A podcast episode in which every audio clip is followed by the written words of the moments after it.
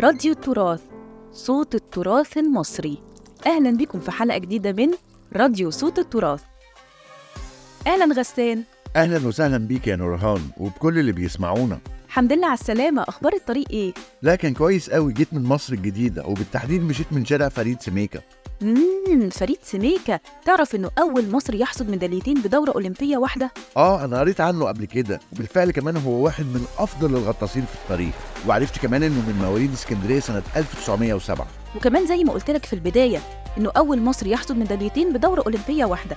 وده كان في أولمبياد أمستردام سنة 1928 كمان فاز ببطولة العالم في الغطس بأمريكا سنة 1932 تعرفي إنه عمل كل ده وهو عنده 25 سنة بس تخيلي؟ والغريب إنه اعتزل في الوقت ده كمان. في سنة 1932 بالتحديد. معقول؟ لا دي مفاجأة بالنسبة لي.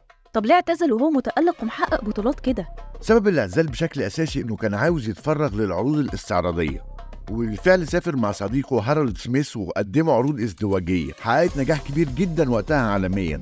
بعدها استقر فترة في أمريكا وحصل على الجنسية الأمريكية لكن سنة 1935 رجع مصر لتدريب منتخب الغطس. تعرف إنه بسبب نجاح العروض الاستعراضية دي اتطلب منه المشاركة في أفلام هوليوود وبالفعل ظهر كدوبلير في المشاهد الخطيرة في أفلام زي طرزان مع الممثل جوني فايزمولر وكمان فيلم ما وراء البحار. ده غير إنه شارك بقفزاته في فيلمين الأفلام الوثائقية عن رياضة الغطس من إنتاج مترو جولدن ماير اللي بتعتبر واحدة من أكبر شركات الإنتاج السينمائي في هوليوود في فترة الأربعينات. والفيلمين دول هما الغطس المزدوج سنة 1939 والرياضات المائية سنة 1941 كل المعلومات دي بتقول إنه استخدم قدراته ومهاراته الكتيرة دي بأشكال مختلفة فعلا. بس للأسف الشديد لما قامت الحرب العالمية الثانية في سنة 1942 التحق فريد بالجيش الأمريكي. وده كان طبيعي بحكم انه بيحمل الجنسية الأمريكية زي ما قلنا. كمان كان عنده خبرة سابقة عن الطيران وكان بيتعلم بسرعة. علشان كده خلال شهور قليلة قدر يحصل على رتبة ملازم تاني بسلاح الجو الأمريكي. بس في مصادر تاريخية كتير بتأكد إن الرتبة دي للأسف ما كانتش أحسن حاجة حصلت له.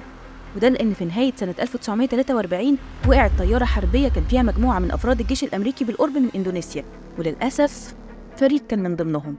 أمريكا ساعتها أعلنت إنه مفقود حرب. لكن القصة في الحقيقة غير كده. اللي حصل إن أثناء واحدة من الهجمات الجوية الأمريكية على اليابان قدر اليابانيين يوقعوا عدد من الطيارات وياخدوا مجموعة من الاسرى اللي كان فريد واحد منهم. وطبعا اتعرفوا عليه بسهولة لأنه كان مشهور. اليابانيين كان ليهم عادة صعبة قوي مع الاسرى وهي قطع رؤوسهم وتعليقها على بوابات المعسكرات.